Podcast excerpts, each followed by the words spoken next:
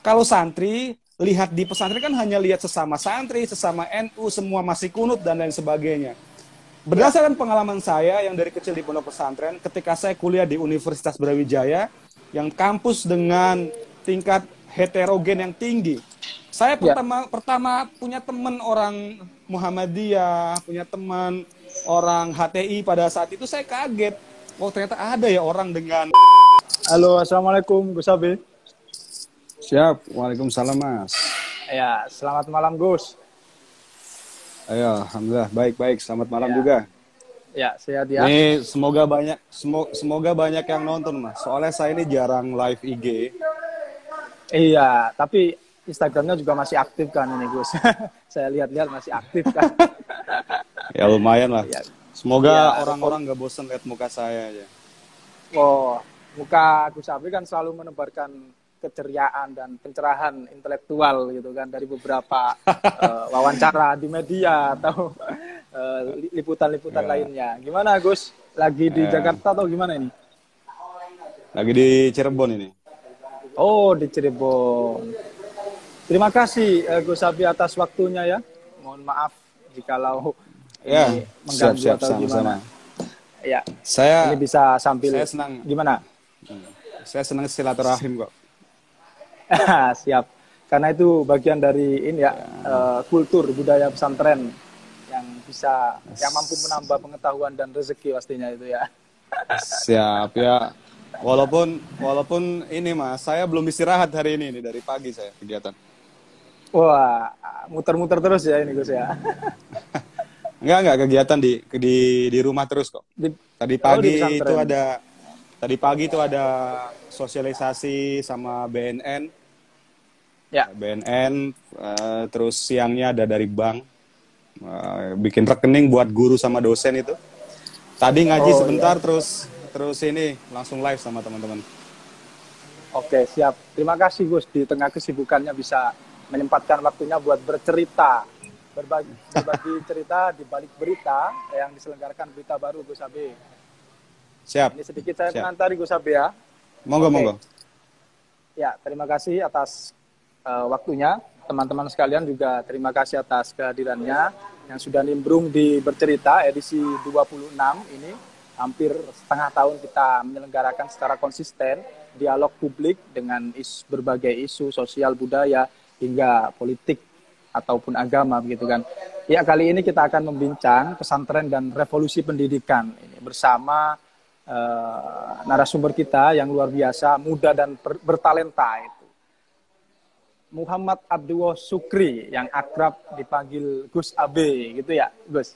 Oke, siap. Beliau adalah eh, salah satu trah atau keturunan atau dari eh, pesantren Buntet Cirebon gitu kan yang sekarang juga sebagai pengurus BBPMI gitu Gus Abi.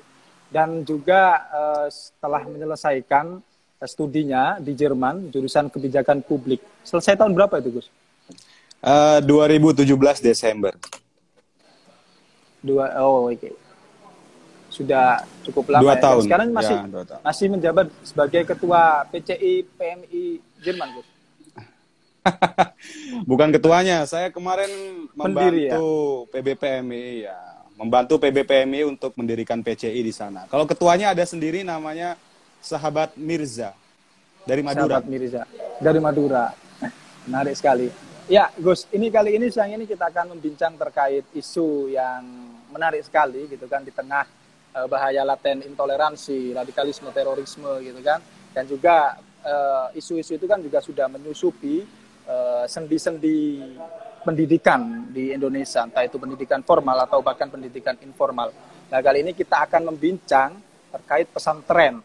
Nah, apalagi nih Gus AB ini kan orang apa kalau istilah Jawanya nyel wong wong pesantren gitu itu. Yang kemudian nanti akan kita korelasikan dengan revolusi pendidikan yang ada di Indonesia ini. Jadi kita akan eh, sedikit juga nanti eh, ini persinggungan antara Kemendikbud ataupun apa ini kepesantrenan atau kemenak gitu ya kemenak ya.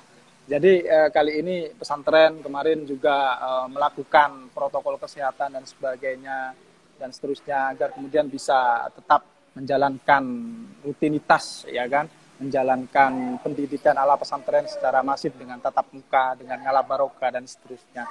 Ini Gus Abe uh, sebelum masuk ke pertanyaan yang yang yang uh, agak-agak serius, gak serius-serius amat sih kan kita ini kan sedang ngopi malam ini Gus ya. ada ya, ada kopinya nggak Sofian? Ada kopinya nggak? Kayak ya kebetulan kalau di rumah nggak ada yes. wifi Gus harus. Wah. Oh, kalau saya ST saya ini. Oh bukan Henken ya. kalau itu jangan dilihat kamera, ya, Mas. Oh. ya, ya. ya. Oke, Gus. Kira-kira akhir-akhir ini kesibukannya apa, Gus? Selain menjadi mualim kan pastinya kan, apalagi sekarang lebih sering di Cirebon. Kalau boleh tahu pesantren Buntet itu sebelah mana, Gus? Saya pernah ke Cirebon, Gus. Satu kali, tapi di pesantrennya Yai Husen. Oh, itu kota iya. ya, pesantren Fahmina itu ya. Iya, kalau pesantrennya Buya Husen di Arjawinangun, Fahmina ah. kampusnya beliau itu. Iya, benar. Ah. Ah, kalau, kalau Buntet itu, kalau Buntet itu di Cirebon Timur. Mas, Mas Mois di Cirebon Timur. Okay. Uh, kalau exit tol itu exit tol Kanci, itu paling 3 kilo dari situ. Ya, baik Gus. Nah, kalau Waktu saat kalau ke Cirebon lagi siap lah main-main. uh, monggo monggo. Insya Allah lah kalau jenengan Cirebon nanya buntet di mana, Allah orang tahu Insya Allah. Siap Gus. Hmm. Oke Gus, bisa diceritakan sedikit Gus aktivitas aktivitasnya akhir-akhir ini apalagi kan hampir setahun penuh ya semua orang kita semua kan di dihadapi dihadang oleh yang namanya yeah. pandemi yang luar biasa gitu kan okay. aktivitas kelembagaan di PMI eh, jadi ada sedikit hambatan di pesantren juga seperti itu lah kira-kira yeah. eh, seperti apa bisa dijelaskan sedikit Gus siap sibukannya uh, saya itu selalu bilang ke teman-teman bahwa masa pandemi bukan alasan bagi kita untuk tidak produktif Eh, contoh saya di pesantren Buntet ini kan saya mengurusi bidang pendidikan, Mas. Kebetulan ya. ada sekitar 17 lembaga pendidikan yang kami kelola di sini. Dari tingkat uh, taman kanak-kanak ya sampai kemudian uh, perguruan tinggi. Nah, itu sangat luar biasa tantangannya di awal-awal ya. pandemi. Ya. Hampir setiap hari saya koordinasi dengan guru, wali murid dan kepala sekolah tentang tantangan yang dihadapi teman-teman di dalam menghadapi pembelajaran dengan model yang baru di era pandemi ini. Jadi di pesantren awal-awal luar biasa dan kemudian saya ikut mengadvokasi juga kebijakan-kebijakan yang pro pesantren. Saya ya. aktif ya. dengan teman-teman kiai muda di Cirebon khususnya lalu menyampaikan gagasan-gagasan itu ke uh, pemerintah pusat. Salah satunya alhamdulillah uh, eh, BOP pesantren ya, bantuan untuk pesantren itu itu juga salah satu usulan dari kiai-kiai yang ada di Cirebon bahwa wujud uh, kehadiran pemerintah untuk membantu pesantren itu kita dorong juga. Lalu kalau di kalau di PMI ya sama lah saya sama teman-teman ya. masih aktif ngisi seminar dan lain-lain walaupun lewat online. Asik kok. Jadi kita punya banyak pengalaman baru di situasi pandemi ini. Tinggal bagaimana kita memaknainya aja, Mas. Benar, benar, benar, Gus. Jadi di tengah pandemi itu akhirnya kemudian putar balik ya akhirnya banyak yeah. Ya. uh, merespon menjadi uh, pikiran kita menjadi semakin inovatif dan sebagainya yeah. gitu ya Gus ya. Jadi ya, Gus, kalau ini, boleh ini. kalau kalau boleh tahu pesantren Buntet ini sejak kapan Gus kalau boleh tahu Gus agar mungkin teman-teman tahu gitu kan. Nah, tadi jenengan di awal sudah menyinggung tentang nasionalisme, kebangsaan dan lain sebagainya. Nah, pesantren iya, Buntet siap. itu sejarahnya sangat erat dengan itu. Jadi pendiri pesantren itu adalah Kiai Haji Mukoyim Beliau itu adalah mufti keraton Cirebon pada saat itu, menteri agamanya lah mas. Yang mana beliau memberontak dengan halus ke keraton karena tidak ya. setuju dengan kebijakan keraton yang bekerja sama dengan Belanda pada saat itu. Beliau memilih keluar dari keraton, kemudian membangun pesantren. Dan pesantren Buntet inilah didirikan beliau pada tahun kurang lebih 1750. Jadi abad 8 abad pertengahan 18 kurang lebih. Jadi sejarah Buntet ini diawali dengan rasa cinta tanah air dari seorang ya. mufti dari keraton. Jadi maka kalau jenengan main ke Buntet ini sangat kental sekali darah nasionalis kita ini di sini. Iya. Jadi sangat peduli terhadap kesejahteraan rakyat yang ada di sekitarnya gitu, ya Gus ya. Bet dengan kebijakan betul. kebijakan keraton yang uh, kurang lebihnya itu menindas gitu kan masyarakat ah, masyarakat nah, kalangan bawah gitu. Tahun berapa Gus kira-kira? 1750-an Mas oh lebih tua saya juga santri Gus cuma di Gresik Gus Ya, mungkin teman-teman ini ya, perkenalkan saya Muis ini tadi lupa belum kenalan hostnya. ya Muis asli bersih uh, proses yeah. di Malang juga ini Gus. Oke. Okay, okay, uh, karena ini kan topiknya juga pesantren Gus karena memang uh, sejarah kebangsaan kita sejarah berdirinya Indonesia itu kan juga tidak luput dari peran-peran para santri dan kiai sebagaimana yang pernah diulas oleh beberapa pemikir-pemikir gitu kan ataupun para kiai kita gitu kan atau yang juga uh, sangat detail diulas sama Romo Agus Nyoto gitu kan. Nah, tapi uh, sejarah-sejarah pesantren ataupun wawasan-wawasan terkait pesantren dan lain sebagainya kan kita ya generasi kita ini kan banyak memperoleh juga dari eh, peneliti-peneliti uh, luar Gus. Sebut saja misalnya Martin Bunsen, misalnya Greg Barton, kemudian Clifford Guest dan sebagainya yang kemudian mende mendefinisikan mendefinisikan Islam atau mendefinisikan pesantren gerakan-gerakan Islam yang ada di Indonesia gitu. Nah, akhirnya ini kan ini juga marak istilahnya misalnya autoetnografi gitu kan bahasanya uh, kita juga bisa loh menceritakan sejarah kita sendiri daripada uh, oke okay lah baik kita mendapatkan informasi dari para peneliti-peneliti luar. Tapi menurut Gus Habe ini uh, dan juga nanti bisa dijelaskan mengulik misalnya kecilnya di pesantren itu seperti apa, suka dukanya, bagaimana suasana-suasana nyantri di era tahun berapa Gus? Orba pastinya Gus ya. Jadi kan jadi santri waktu zamannya Pak Pak Harto pastinya ya. Lah itu bagaimana suasana bisa diceritakan sedikit lah Gus. E, masa bisa nostalgia lah ini sebelum ke pertanyaan-pertanyaan inti ini. Kita punya slogan Mas, Mazil tu Toliban. Selamanya kita ini santri. Ya. Jadi sejak lahir sampai sekarang kita santri. Tidak ada istilah mantan santri dan lain sebagainya. Hanya saja tempat belajarnya yang berbeda dan medan perjuangan yang berbeda. Jadi selamanya saya santri.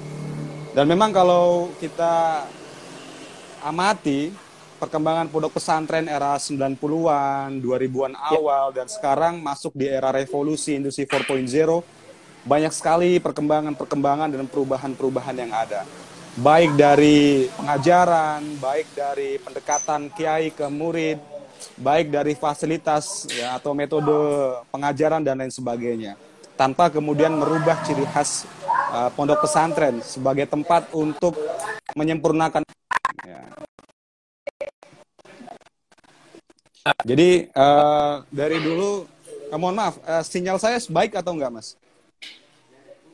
Agak ini Gus, nyendat-nyendat gitu Gus. Tapi jelas sih Gus. Kalau biasanya kan kalau sedikit kurang baik itu kan videonya agak Oke, okay, saya gitu. Nah, ini coba pakai dat.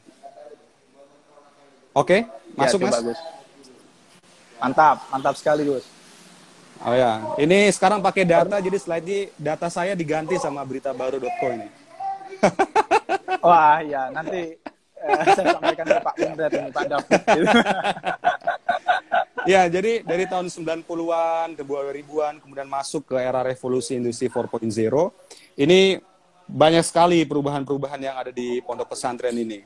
Dari mulai sistem pengajaran, dari mulai pendekatan bagaimana kiai ke masyarakat, kiai ke santri dan lain sebagainya. Itu selalu ada perubahan apalagi dengan metode pengajaran yang juga semakin kalau bahasanya apa tema yang sekarang revolusi ya karena revolusi mau, pendidikan. ya, akhirnya kita, kita mau tidak mau uh, terpengaruh ke arah sana. Maka salah satu hikmah semisal di era pandemi ini karena ada COVID akhirnya kiai-kiai terbiasa menggunakan uh, live YouTube, live Facebook, live, live Instagram Facebook, untuk mengaji. Zoom yang mana, gitu kan. Ya, yang mana di 5 10 tahun sebelumnya wacana-wacana keislaman pesantren jarang muncul di media online. Sekarang mau tidak mau akhirnya semua kiai ngaji online. Nah, ini saya kira hal yang baik. Begitu. Tapi baik, kunci Mas, kata ya, kunci okay. pesantren kata kunci pesantren itu mandiri. Kita mandiri kok. Dulu sebelum ada negara sudah ada pondok pesantren. Bahkan pendiri ya. Buntet khususnya Mbah Mukoyim dulu melawan pemerintah keraton pada saat itu. Kita bisa eksis kok pada saat itu.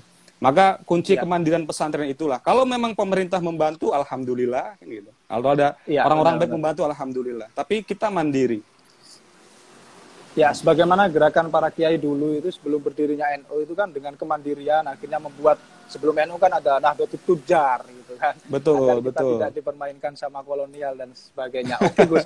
ini masuk ke beberapa pertanyaan-pertanyaan yang mungkin Monggo. harus ini Gus Abi jawab ini. Lah, kira-kira ini apalagi Gus Abi ini kan uh, yang lama ya, bahkan duriah istilahnya Pak ya, teman-teman santri duriah dari pesantren Buntet dan bahkan uh, kemudian kuliah ya di Brawijaya uh, Malang berikutnya sampai kemudian ke Jerman ambil beasiswa S2 gitu. Semoga nanti bisa S3 dan postdoktoral. Amin gitu ya.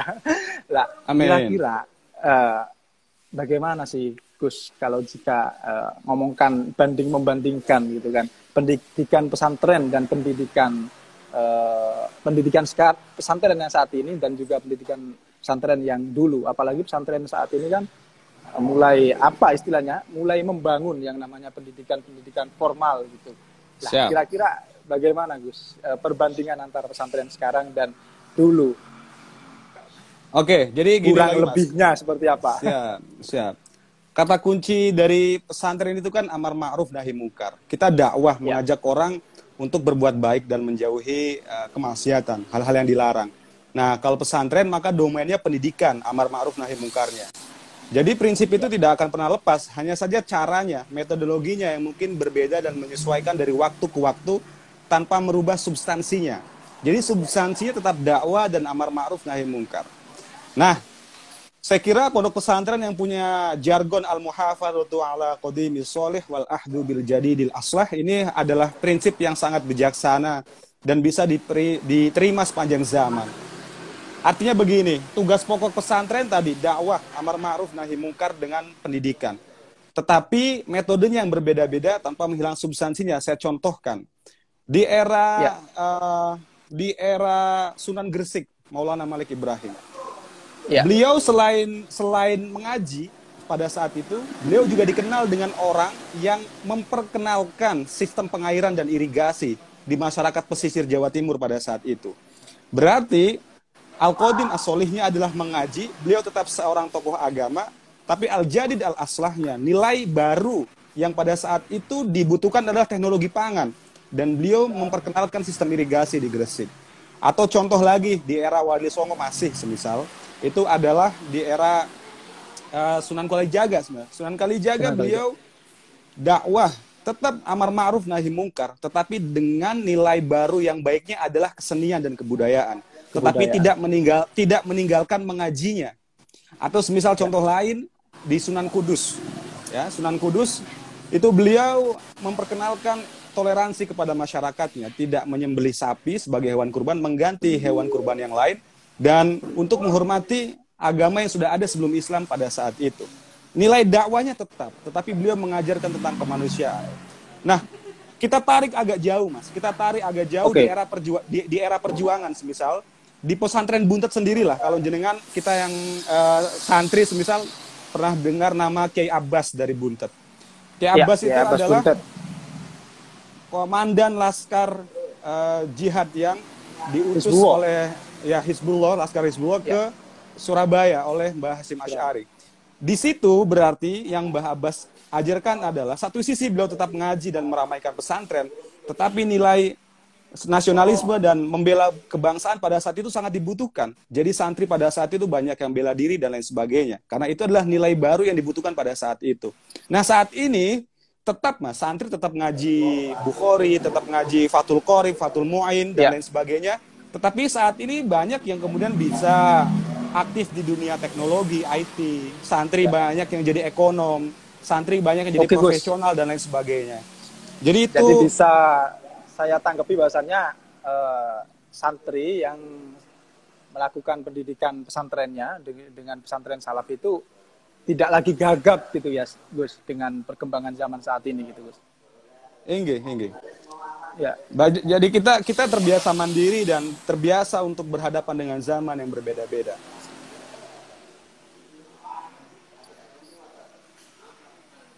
Oke Gus, tantangannya seperti apa Gus? Ini kan pesantren dengan banyaknya pendidikan agama, kemudian apalagi sekarang juga adanya revolusi industri 4.0 kata Gus Abe itu.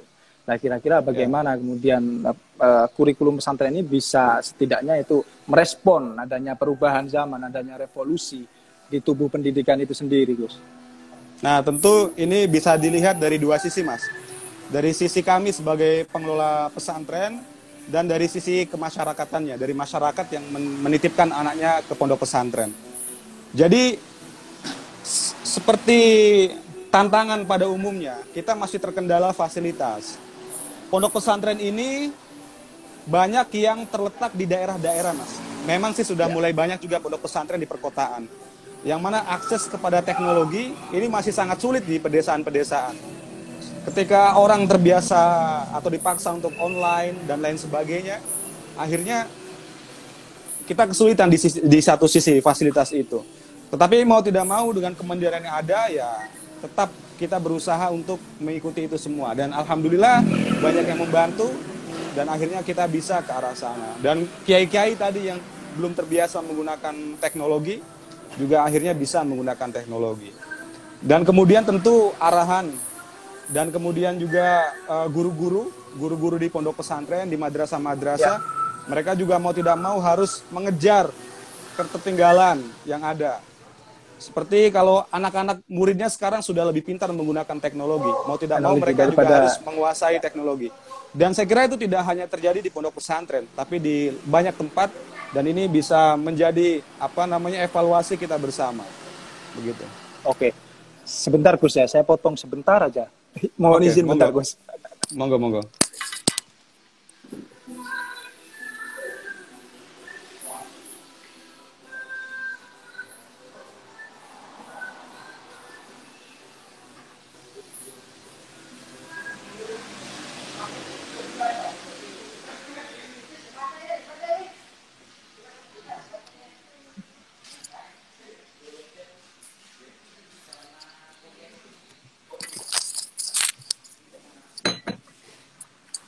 Iya, mohon maaf Gus, ada orkesan di sebelah rumah Gus.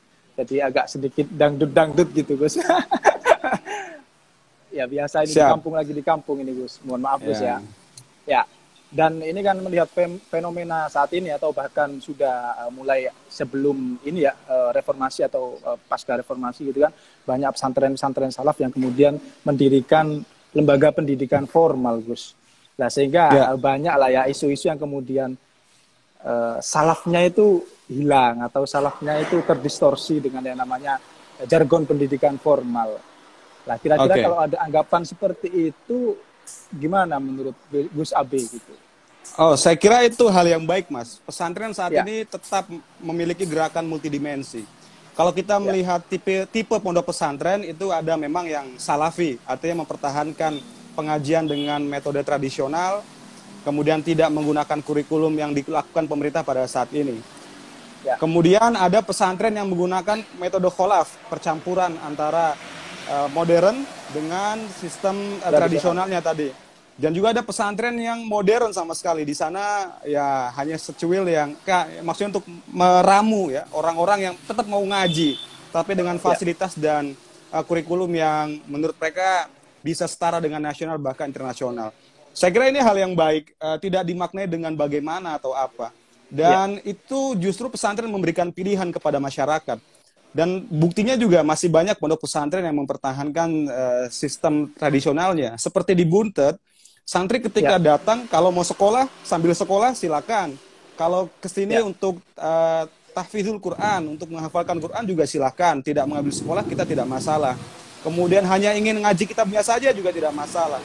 Jadi pondok pesantren semakin memberikan penawaran kepada masyarakat. Nah, adapun pesantren-pesantren yang memilih untuk membuka sekolah, saya rasa itu hal yang baik ya. juga karena kebutuhan masyarakat akan ijazah formal untuk mendapatkan pekerjaan yang baik. Nah, tinggal nanti harus dari awal konsekuensinya yang ya. sadar.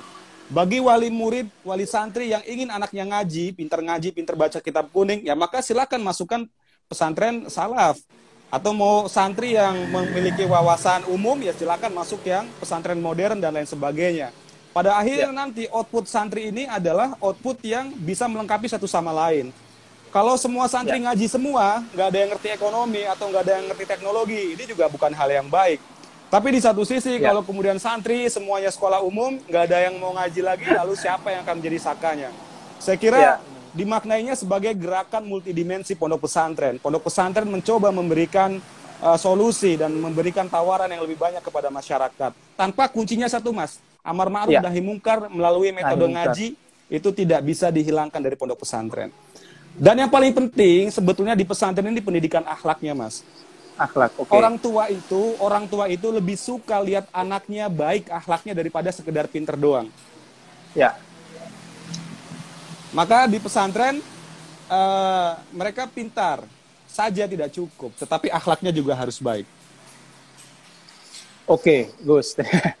Menarik sekali ya membahas terkait itu. Jadi kalau yang perpaduan dan yang pesantren kholaf itu kadang Gus, ya benar memang ada eh, yang mau nyantri secara salaf atau belajar ngaji boleh, kemudian ngaji sambil kemudian siangnya sekolah dan seterusnya. Nah kadang itu Gus yang terjadi di lapangan itu yang yang salaf atau tradisi baca kitabnya itu yang kemudian lemah Gus. Akhirnya Ya. eh, kehilangan rumpun-rumpun peradaban pesantrennya gitu kan. Jadi Ya. bahwasanya lembaga itu kan adalah sebuah eh, al al jadidul aslah gitu kan ya Gus istilahnya ya. Yang baru yang baik gitu kan misalnya. Betul. Kalau tadi disampaikan Gus Abi itu. Tapi kadang Ya sebentar Eh, Mas ya, saya ini Oke. eh, kabelnya lepas sebentar. siap. Oke, santai-santai. Ya,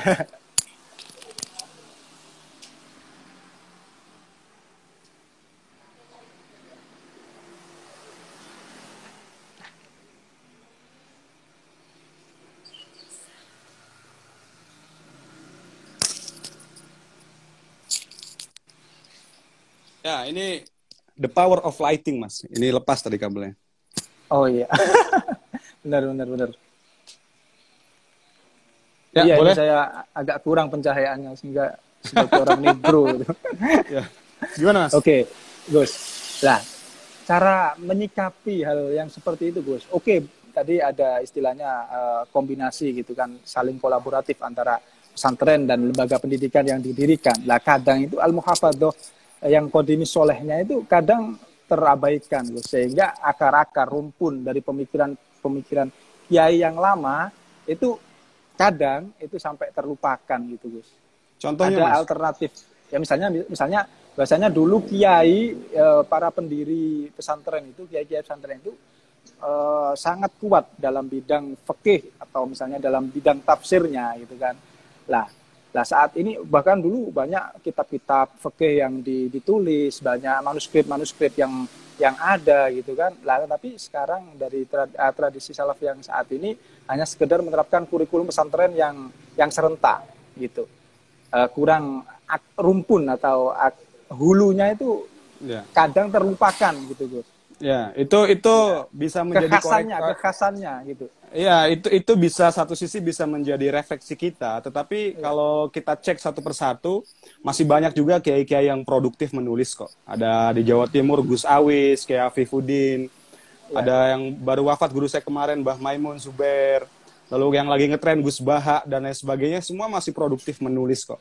Dan santri-santri juga walaupun kitabnya belum sepopuler ya kitab-kitab yang apa yang besar-besar, banyak kok. Saya mesantren di Sarang eh, di Pondok Pesantren Sarang Rembang itu setiap angkatan Rembang. kalau mau lulus harus membuat buku atau membuat kitab. Di Lirboyo juga seperti itu dan di pesantren-pesantren salaf lainnya. Saya kira eh, tetap kita usahakan tradisi tulis menulis ya. Kalau memang Ya. itu yang dijadikan ukuran. Oke, jadi literasi pesantrennya masih hidup lah Gus ya.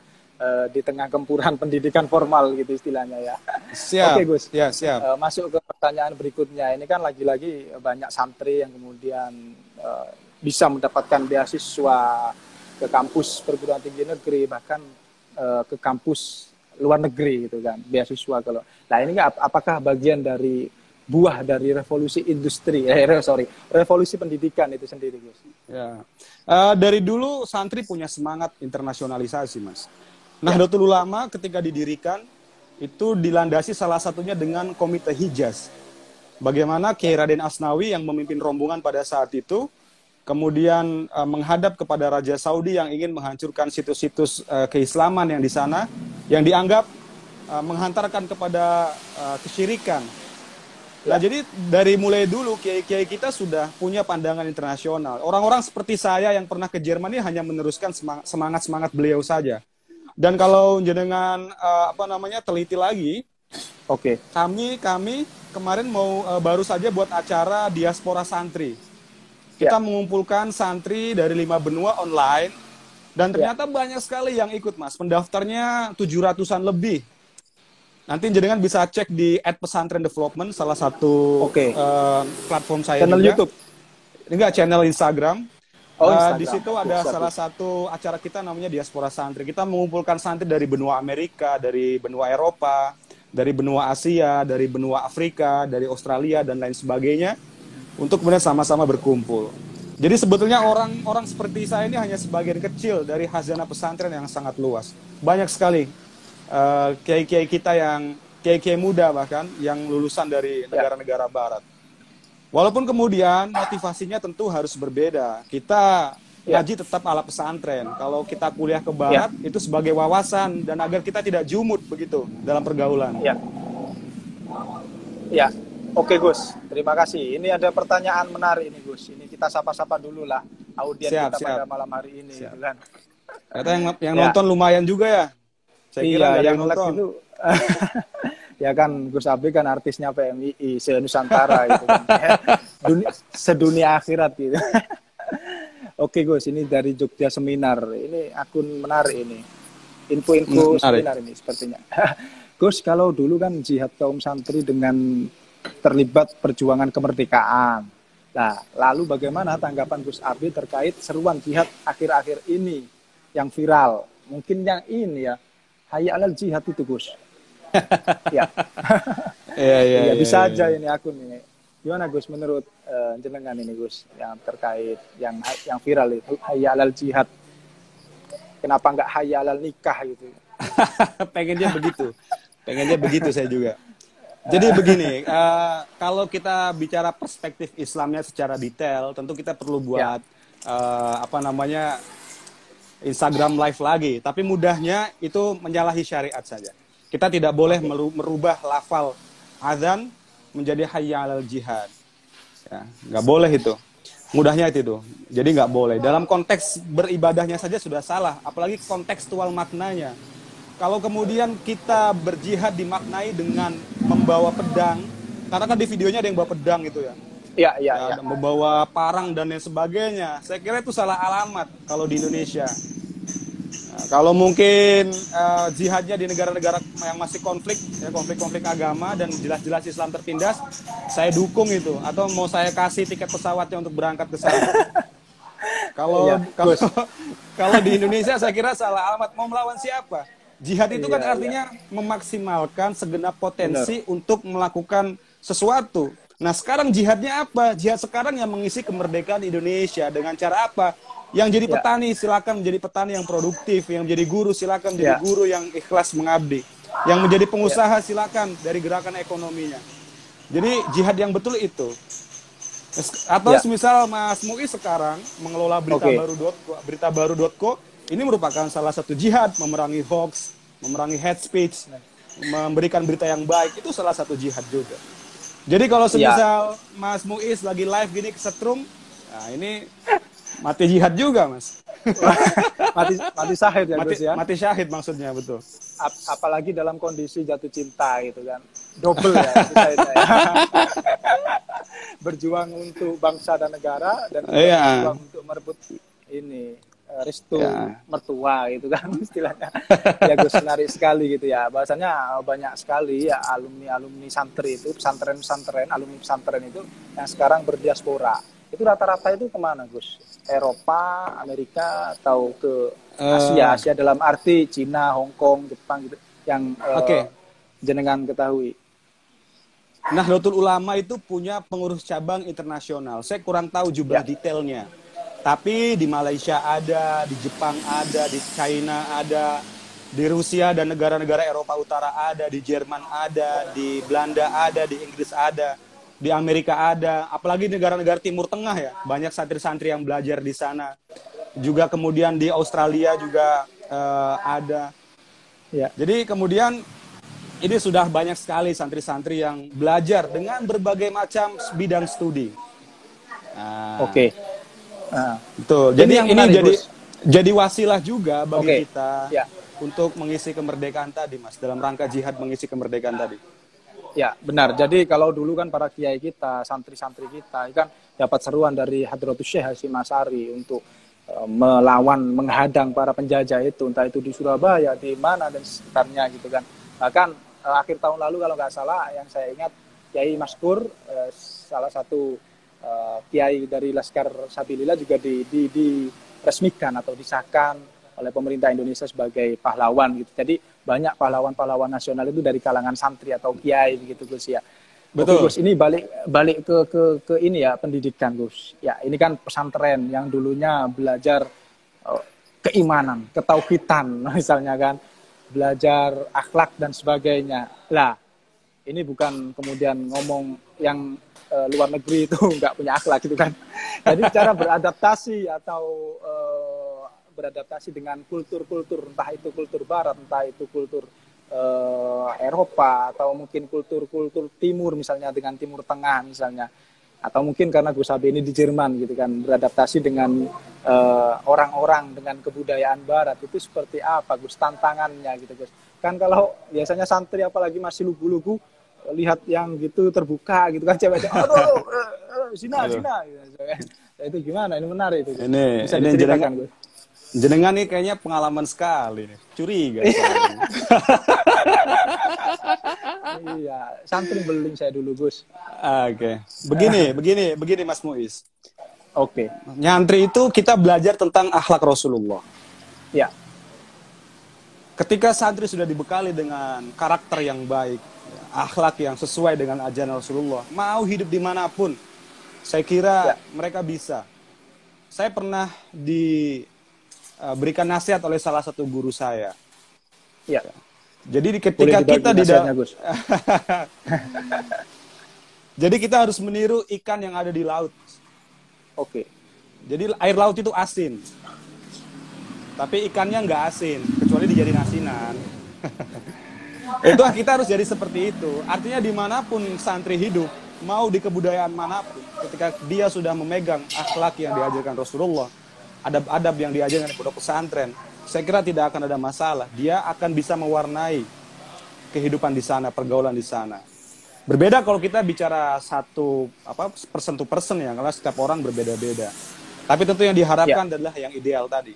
Kita seperti ikan yang ada di lautan tadi. Airnya asin, ikannya tidak asin. Ya. Ya, di mana pun berada, bagaimanapun kondisinya, tetap memegang prinsip akhlak tadi. Dan juga pastinya yang saya ingat dari awal itu am, amar ma'ruf nahi mungkar. Itu ya Gus ya. ya, jadi uh, uh, begini Mas. Uh, kalau jenengan cek di Google sekarang, sarungan ya. di Jerman. Sarungan di Jerman. Jadi saya sempat viral di tahun 2000, saya lupa, 2017, 2016 saya pernah ya. jalan-jalan pakai sarung di Jerman itu, Mas. Orang berpikir bahwa di Indonesia saja orang ke mall pakai sarung malu, Mas. Ya. Saya nggak paham itu kenapa. Padahal itu salah satu kebudayaan kita. Lalu saya sering saya pakai ke mall sarung Oh gitu. Eh, Sandal jepit jadi san... jadi kan santri yang progresif berarti. Eh, celananya masih basah maksudnya gue soalnya gue. Iya. lanjut lanjut. Kitanya kitanya mungkin biasa. Orang yang lain yang melihatnya aneh mungkin mas. Oh, Oke. Okay. Nah di Jerman itu saya pakai sarung, Mas. Kemudian saya ambil foto, saya upload. Ternyata itu luar biasa viral. Gara-gara foto itu ada sarungan challenge. Jadi teman-teman yang di, di, di Jerman. Iya, oh, di dari yang di Australia, yang negara. di Inggris, di Amerika pada ikutan foto saya itu. nah, nanti jenengan coba cek sarungan di Jerman itu dulu sempat viral banget itu. Itu gara-gara itu okay. juga follower saya naik gitu hal-hal simpel ternyata hal-hal simpel ternyata bisa sangat bermakna gitu. Akhirnya orang tidak malu menampakkan dirinya bahwa kita adalah santri. Begitu. Iya. Kan juga uh, sempat viral juga itu yang Gus Nadir itu yang pakai sarung juga itu kan di di Australia itu kan. Siap, siap. Iya, mengenalkan kebudayaan Indonesia atau kebudayaan sarung ke berbagai negara gitu kan. Sebagai ini sebagai tausiah Islam Nusantara, Gus. Betul, betul. Oke Gus, ini balik ke pertanyaan dari teman-teman ini Gus. Ada Mbak Fuji, ini dari Mas Adi, Gus AB, dan Gus Muiz. Waduh, saya belum Gus ini. Pesantren dan revolusi pendidikan selesai. Waduh, jangan dulu selesai ini, masih asik ini pembahasannya. Mas Adi. Oke, dari Mbak Fuji. Bagaimana mempertahankan jiwa santri di zaman milenial sekarang ini, Gus? Yang tadi sudah dibicarakan bahwa adab itu penting. Sedangkan sekarang ini kaum milenial krisis moral atau kurang adab. Nah, terima kasih. Itu Gus.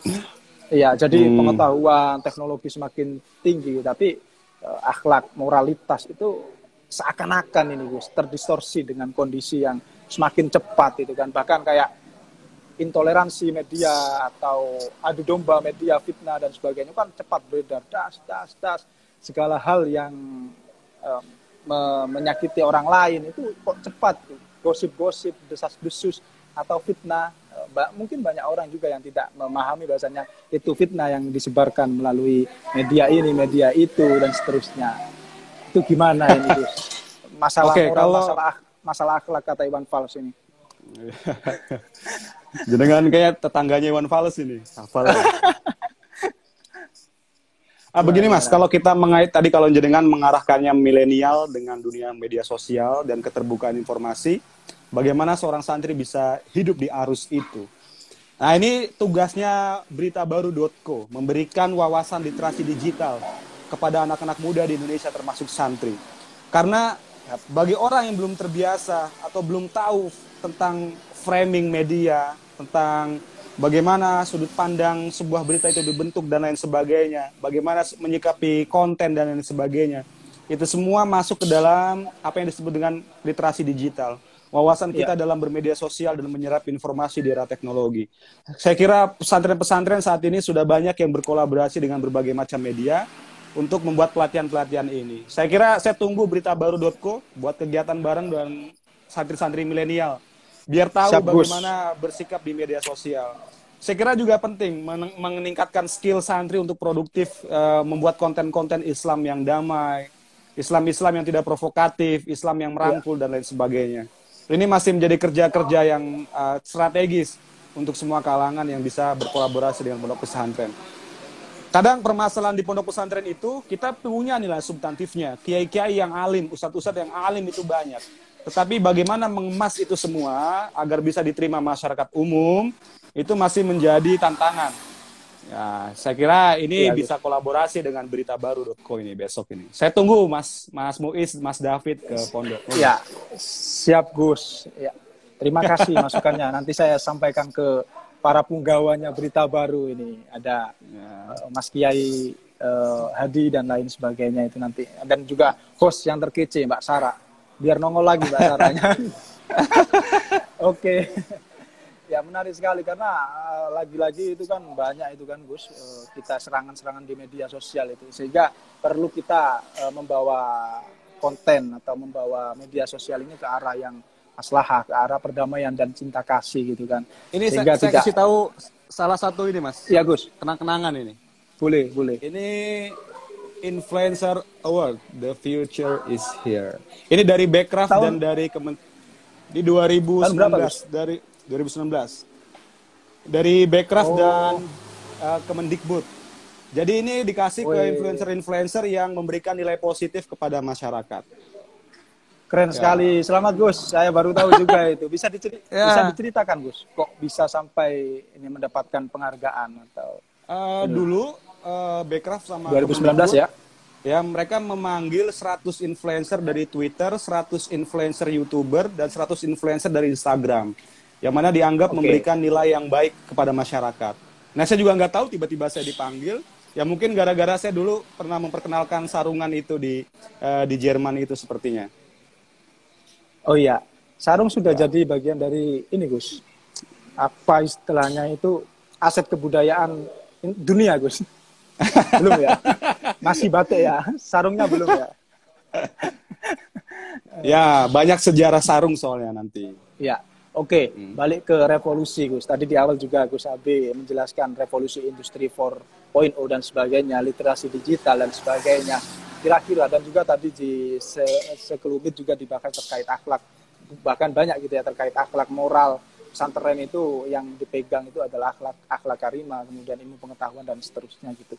Lah kira-kira uh, harapan atau ide-ide terkait revolusi pendidikan saat ini menurut Gus Abis seperti apa Gus yang bisa kemudian menjadi uh, paradigma baru lah di, di, di uh, pendidikan secara nasional gitu Gus ya pendidikan ya. yang kolaboratif lah ya. Maksudnya dalam arti ya ya pendidikan kolaboratif ini yang kemudian menjunjung revolusi pendidikan nasional, entah itu pendidikan pesantren, pendidikan formal atau pendidikan-pendidikan yang jalanan gitu, yang informal dan sebagainya, Gus. Kira-kira apa yang eh, ya. ada dalam benak Gus Abe? Saya mengutip ini? saya mengutip dari dua tokoh saja. Yang okay. pertama dari almarhum Kiai Nur Muhammad Iskandar yang kemarin ya. baru saja meninggalkan kita. Yang kedua nanti dari Kiai Said. Ya. Kalau kata Kiai Nur Muhammad Iskandar, mengapa kemudian banyak orang-orang yang berpendidikan itu mereka justru menjadi koruptor? Karena kata beliau, kita di sekolah itu hanya belajar sekian jam mata kuliah apa pelajaran agama. Ya tentu nggak semua orang di pondok pesantren kan, nggak semua orang di pondok ya. pesantren. Nah kalau kita bicara masyarakat umum secara luas di Indonesia, berapa sih jumlah santri dibandingkan dengan 270 juta masyarakat Indonesia? Jadi menurut beliau, orang hanya mementingkan kecerdasan saja tanpa mementingkan iman. Nah, ya. saya kira uh, pendidikan agama kemudian menjadi penting di saat kita di satu sisi mengejar ketertinggalan dalam teknologi dan lain sebagainya. Karakter ya. kebangsaan, ya. karakter keindonesiaan, dan karakter keagamaan yang kuat harus senantiasa berkolaborasi sepanjang zaman dengan metode pen, metode pendidikan apa pun. Lalu ya. kemudian yang kedua dari Kiai Said, Kata Kiai Said, apa peran agama di dunia demokrasi? Sistem kita di Indonesia adalah demokrasi. Ya. Nah, di mana peran agama? Peran agama adalah mengisi nilai-nilai demokrasi tersebut. Diisi dengan nilai-nilai agama.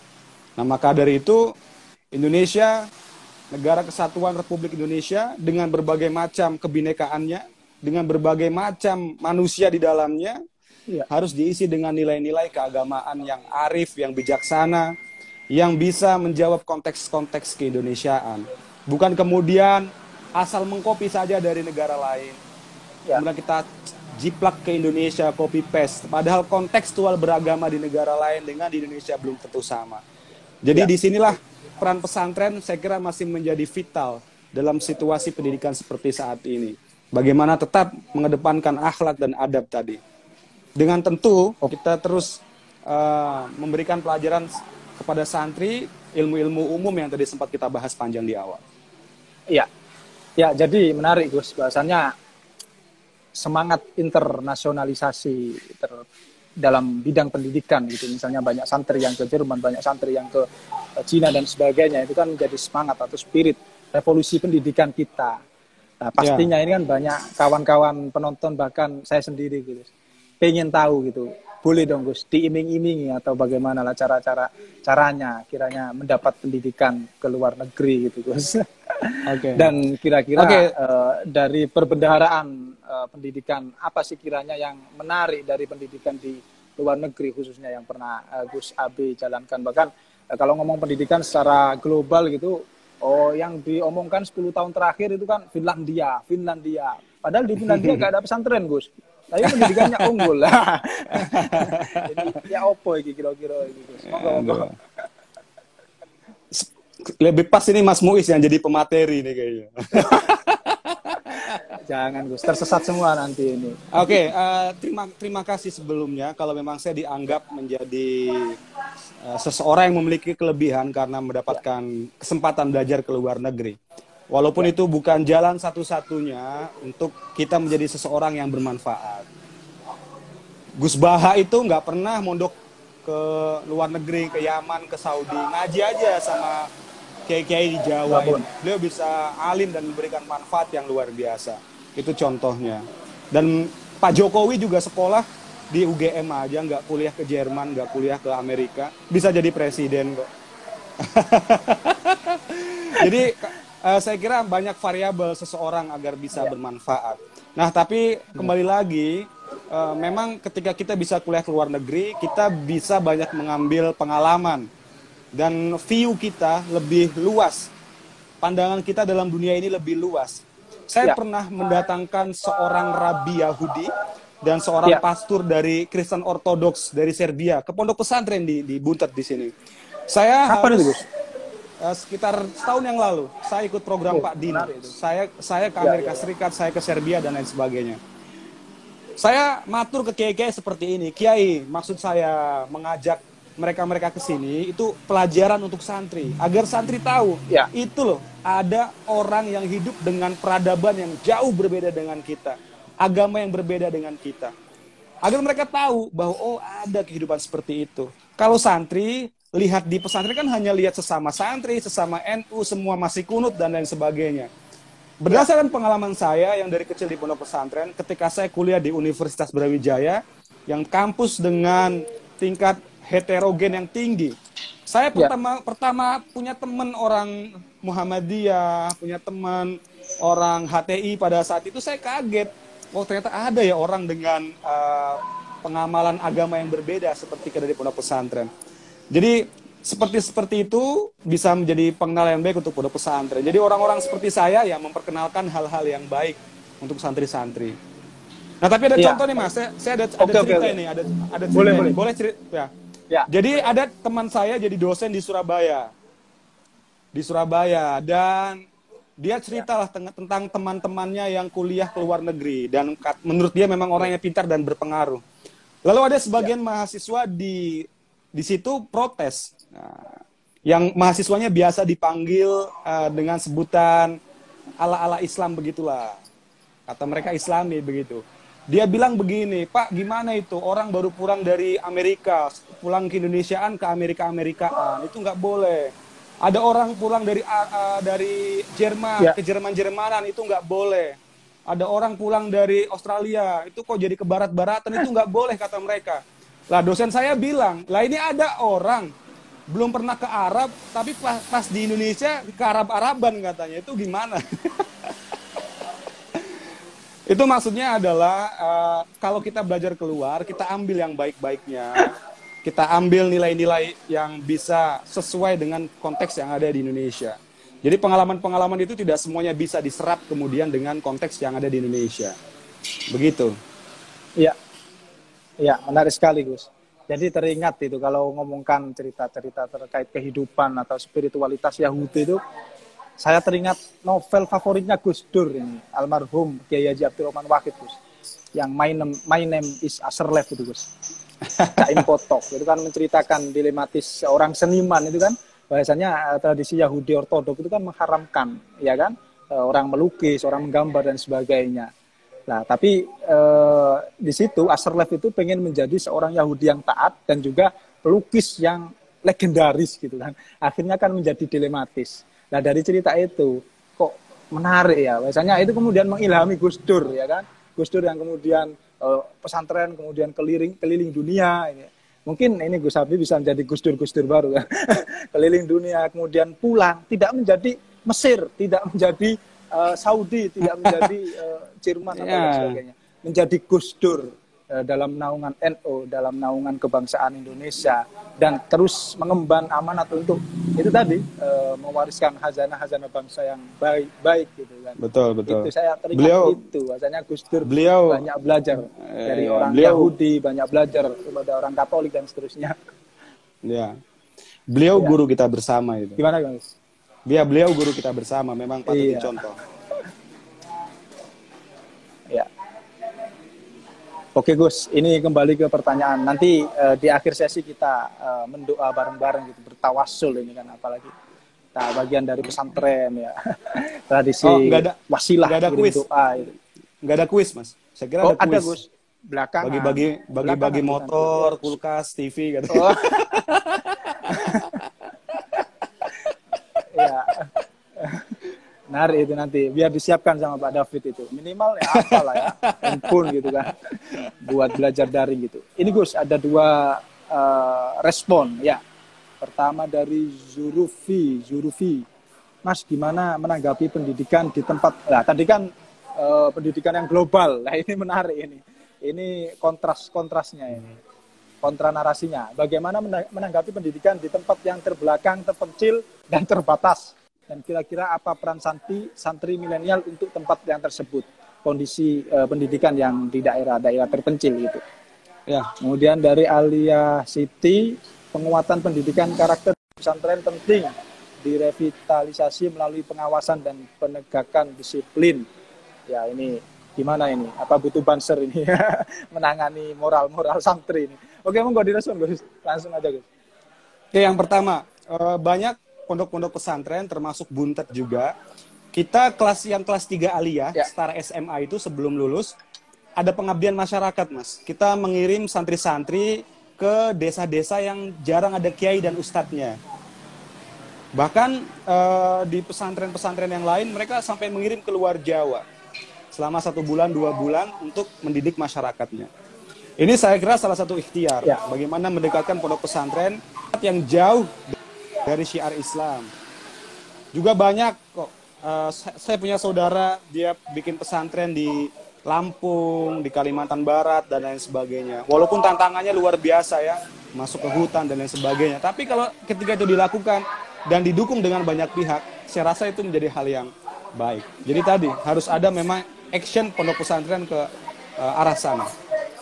Langsung eh, karena begini, ada kesan gini mas, orang awam, mohon maaf, kalau main ke pesantren Ya. merasa sungkan, merasa malu, merasa aduh nanti gimana ya di pondok pesantren. Nah jadi sudut pandangnya kita balik, memang harus pondok pesantren yang mendekat ke masyarakat, jangan nunggu orang datang ke kita. Lalu Ya, ya, yang benar, kedua Gus. tadi Jadi pesantren. Oke, oke. Ah? Lanjut. Terkait pengawasan Ya, lanjut, dan penegakan dis ya terkait pengawasan dan penegakan disiplin ya tentu pondok pesantren ini punya peraturan dan lain sebagainya. Tetapi kita juga bukan kemudian seperti militer ya yang kemudian sangat disiplin dan lain sebagainya. Saya kira memang banyak eh, apa namanya pewajaran dan lain sebagainya dalam batas-batas tertentu. Karena hampir semua santri itu dalam masa pertumbuhan mereka usia remaja rata-rata SMP SMA dan kuliah saya kira pendekatan person to person dari kiai ke santri itu juga sangat eh, penting ya. tetapi tentu harus diawasi dan disiplin penegakan disiplin dengan dengan kebersamaan tadi Iya, Gus. Eh, melanjutkan dari yang tadi, Gus. Itu kira-kira bagaimana itu model transfer moralitas, ya kan? Maksudnya eh, pembangunan moralitas di pesantren ini kan kiranya yang ideal atau yang kerap kali Gus Abi ketahui itu yang seperti apa, Gus? Ngomongkan moral gitu kan. Apalagi pesantren ini kan gawang gawangnya akhlak, bang, bang akhlak. Iya, jadi ulama itu pewaris para nabi dan pewaris para ulama itu adalah para santri. Jadi otomatis para santri juga inilah yang terdepan eh, menjadi pewaris ajaran-ajaran para nabi. Nah, tentu tinggal bagaimana metode dan bagaimana pendekatannya, tergantung di mana dia berdakwah. Sering sekali alumni-alumni datang ke rumah kami, mereka menceritakan dengan situasi kondisi masyarakatnya di rumah yang memang cukup sulit. Saya bilang begini, Mas, kalau jenengan bandingkan dengan di pondok pesantren, jangan dibandingkan. Orang-orang yang di pesantren itu semuanya orang baik. Semua berani jauh-jauh datang dari daerahnya ke pondok mau ngaji mereka. Mau dekat dengan kiai. Mau tirakat dan lain sebagainya. Lah kalau orang masyarakat di sana itu memang murni orang awam dan sebagainya. Maka pendekatannya tidak bisa kemudian kita langsung gerada geruduk gerada geruduk saja. Jenengan semisal lihat ada orang mabuk, ada orang mabuk di mana? Di perempatan. Itu jelas kemaksiatan. Lalu sampean pukulin mereka, yang ada sampean dipukul balik. Nah, ini kan tinggal metode bagaimana menyampaikan bahwa mabuk itu tidak diperbolehkan oleh agama. Saya rasa ini yang kemudian eh, perlu dikedepankan. Cara, tinggal cara saja sebetulnya. Iya. Jadi pesan-pesan damai itu harus disampaikan dengan uswatun hasanah begitu ya, Gus. Betul. Yang saya betul. ingat sih, Gus. Saya kan kalau ngaji sering nyelonong gitu keluar. Banyak Loh. lupanya akhirnya, Gus. Saya kira nggak pernah ngaji sama sekali sampai ternyata ada ngajinya juga ya. iya, Gus. ini kan kali ini kan ngaji sama Gus Abi tapi kopiannya ketinggalan, Gus. Mohon dimaafkan gitu, Gus. Iya, Gus. ini mungkin menjadi pertanyaan terakhir ya sebelum ke Hmm. Pertanyaan yang lain. monggo, monggo, monggo. Ya, uh, jadi kan banyak pesantren yang kemudian banyak santrinya yang memiliki semangat bahkan dari kiainya juga mendorong untuk melanjutkan ke estafet pendidikan berikutnya perguruan tinggi bahkan ada yang perguruan tinggi nasional PTN, PTI, PTIN bahkan kalau dulu kan kecenderungan misalnya alumni UIN ke eh sorry alumni pesantren alumni Alia ke UIN atau ke STAI dan sebagainya. Sekarang kan sudah berdiaspora sedemikian rupa gitu kan. Uh, aja Alia kemudian kuliahnya di kampus umum atau bahkan di luar negeri Jerman dan sebagainya. Sekarang sudah mengalami diaspora yang sedemikian rupa gitu Gus. Lah kira-kira Gus. Dari pendidikan tinggi yang didapat oleh kaum santri ini yang akhir-akhir ini uh, ada itu. Kira-kira uh, bagaimana ini uh, tantangannya di dunia kerja, kompetisi-kompetisinya ini seperti apa?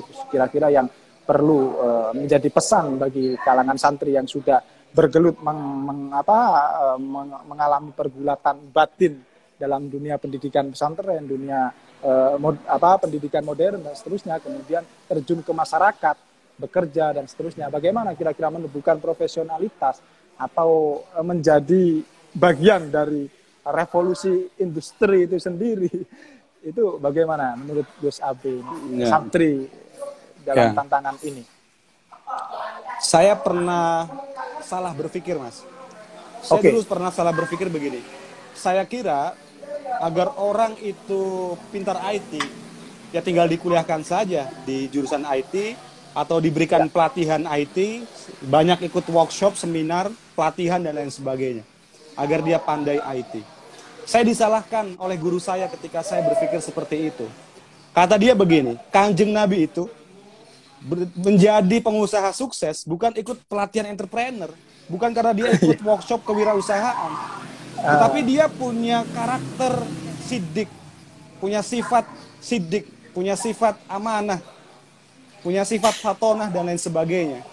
Jadi kemudian kunci pendidikan karakter, pendidikan moral, ketika itu dimaksimalkan dengan baik, santri mau terjun di mana saja, ya ikut pelatihan penting, tetapi bukan ya. itu kuncinya. Ketika memiliki karakter yang kuat, mau dia jadi ekonom, mau dia jadi dokter, mau dia jadi kontraktor dan lain sebagainya. Ketika dia ada rasa khidmat yang tinggi, ketika dia ada rasa ingin berbagi yang tinggi, itu yang akan menjadi lebih berkah dan lebih bermanfaat kepada orang. Bandingkan dengan orang yang hanya kuliah saja, ketika dia jadi ya. uh, apa namanya ekonom semisal, maka yang akan dia pentingkan adalah yang meraup untung sebanyak-banyaknya, walaupun mohon maaf, semisal caranya salah. Oke. Okay. Tetapi ketika santri menjadi seorang ekonom, dia kaya, dia akan tidak lupa zakat, dia tidak akan lupa sodakoh, dia tidak akan lupa berbagi kepada sesama. Jadi karakter-karakter itu yang kemudian bisa menjadikan santri sukses di bidang apa pun. Ketika ya satu sisi hanya mengedepankan kecerdasan, ya tadi dapatnya. Seperti Kiai Nur Iskandar bilang tadi. Ya. Pintarnya saja, tetapi tidak ada iman dan akhlaknya. Oke, menarik sekali Gus. Terima kasih ya tanggapan respon-responnya itu. Jawaban dan juga uh, wejangan-wejangannya Gus. Nanti ini jadi banyak santri yang kemudian sudah selesai bergelut di medan pendidikan gitu kan akhirnya bisa menjadi profesion, profesionalisme, profesionalis yang berguna bagi masyarakat yang dan sekitar pastinya. Ya Gus. Siap. Oke, ini pertanyaan sampingan ini Gus. Dengar-dengar jadi kandidat ini ketua umum PBPMI Iya, iya, ya, gimana saya, ini? Iya, kira-kira apa ini? Latar belakang, ya. motif apa ini? Ya, saya di kader di pergerakan mahasiswa Islam Indonesia ketika ya menempuh pendidikan S1 di Universitas Brawijaya dan saya menganggap PMI adalah salah satu bagian dari keluarga besar NU yang bisa menjadikan wasilah kita untuk terus syiar Islam Ahlussunnah wal Jamaah Nahdiyah di kalangan anak muda dan di mahasiswa khususnya. Jadi saya sebagai kader merasa memiliki tanggung jawab untuk berkontribusi lebih di PMI. Saya merasa punya kewenangan ya. lebih Mas jika jika saya menjadi ketua umum. Kurang lebih begitu saja. Ya. Dan ini ya. salah satu ikhtiar ya. saja, salah satu ikhtiar. Okay. Gitu. Siap. Kapan hmm. jadinya Gus? Dengar-dengar besok ya ada ini ya, debat kandidat ya? Ya, besok ada debat kandidat terakhir uh, online yang seharusnya di Jakarta, tetapi karena pandemi akhirnya kita tidak boleh kumpul-kumpul karena KPMI ini kalau ngumpul-ngumpul paling senang, Mas Muiz.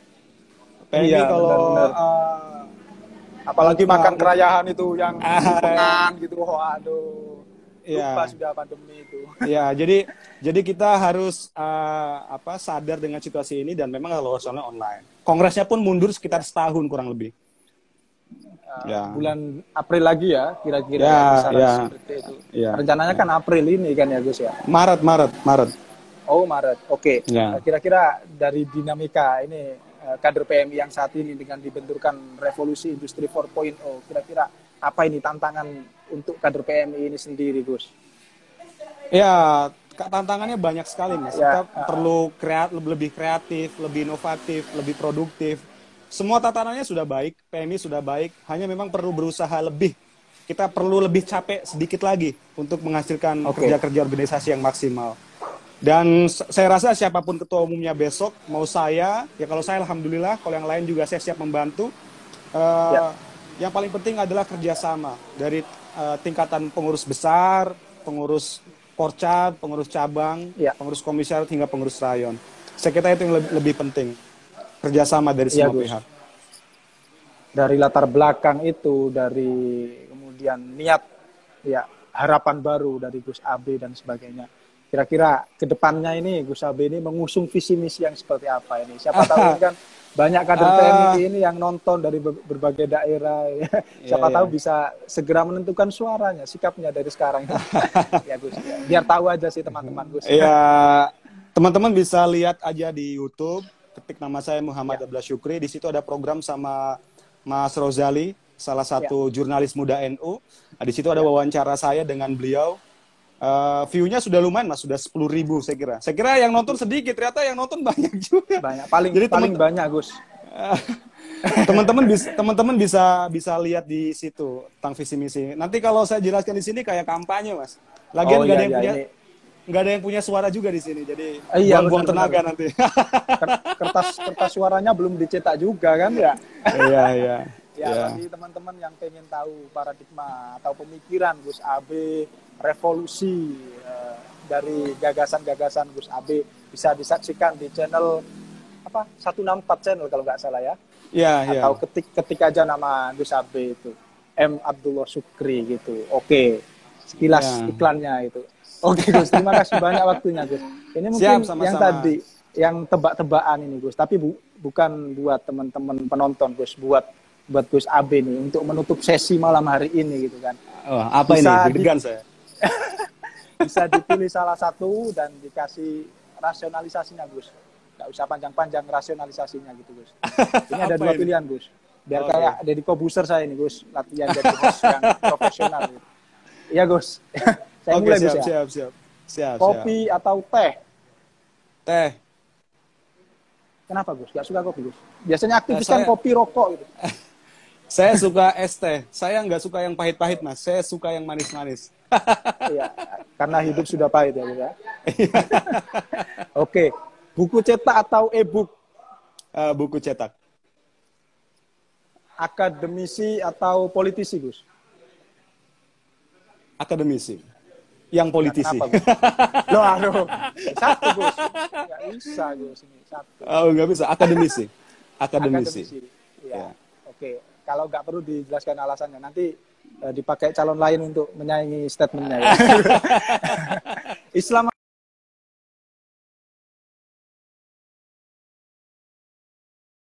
Buan. Delay, Mas. Halo? Ya, mohon maaf, delay. Gambar sampean muter-muter. Nah, udah, Iya. udah, lancar sekarang. Iya, iya, iya. Sebentar, ini masih delay juga. Ah, oke. Oke, Gus. Akademisi dan politisi, akademisi, Gus ya. Ya. Oke. Satunya apa? Oke, masih banyak ini, Gus. Islam atau Indonesia, Gus? Oh, iya. Islam. Loh, kenapa, Gus? Hah? Islam atau Indonesia? Bukan Islam atau Kristen. Oh, ya. Islam atau Indonesia? Ini sebetulnya yang salah pertanyaannya sebetulnya. Tapi kalau Lah, ini kan tujuan- pilihan, choice.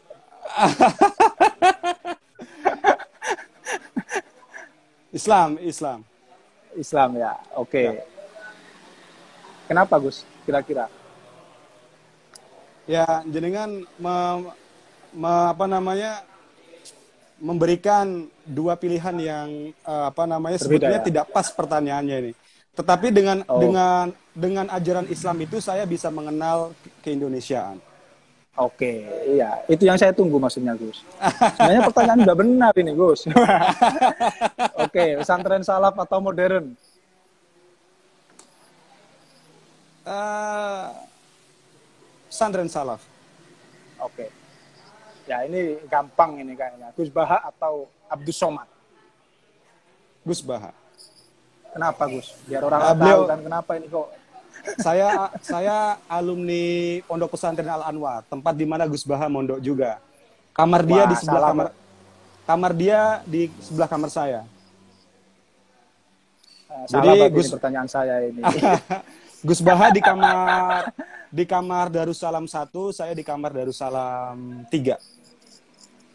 Berapa tahun? eh, Ya, tapi kalau Gus Baha tentu atau- Gus Baha jauh di atas saya. Oh, jauh, jauh ya, ya, ya. Ya.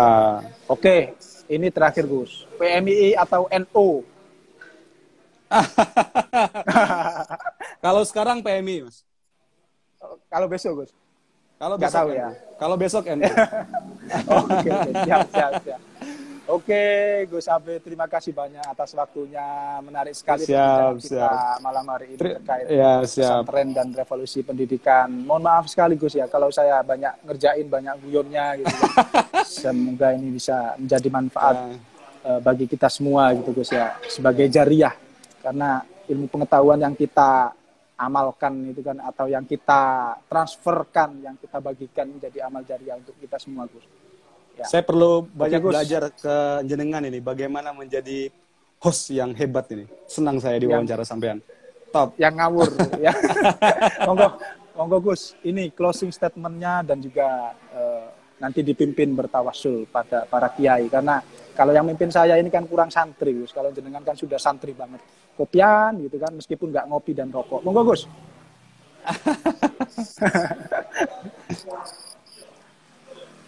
Eh, statementnya saya bingung ini karena pembi- pembicaraan kita tadi luas banget ya, nggak nggak cuma berbicara Iya, iya. tentang pendidikan saja. Tapi begini, eh, pondok pesantren adalah bagian dari Indonesia. Santri harus berperan dalam mengisi kemerdekaan Indonesia dengan segala potensi yang ada, dengan eh, kemampuan yang berbeda-beda. Kita perlu kolaborasi, kemudian kita perlu juga menjaga kesatuan dan persatuan negara Republik Indonesia karena belakangan isu ini juga sangat sensitif. Santri harus bisa menjadi eh, paku kalau kata eh, salah satu guru saya juga Ya. yang bisa menyatukan semuanya.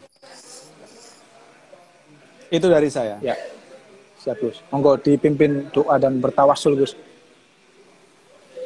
Eh, marilah kita mengirimkan Al-Fatihah kepada orang-orang tua kita yang sudah meninggalkan kita, kepada guru-guru kita, kepada para pahlawan Indonesia. Semoga apa yang beliau warisi kepada kita, yang beliau ajarkan kepada kita bisa kita lestarikan, bisa kita praktikkan dalam kehidupan sehari-hari ala hadhihi wa ala kulli niyatin sholihah bi sirri Fatihah. A'udzu billahi rajim. Iyyaka na'budu wa iyyaka nasta'in.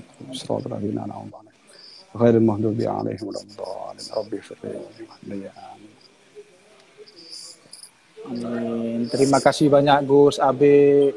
Sehat selalu Siap. dan semoga Siap.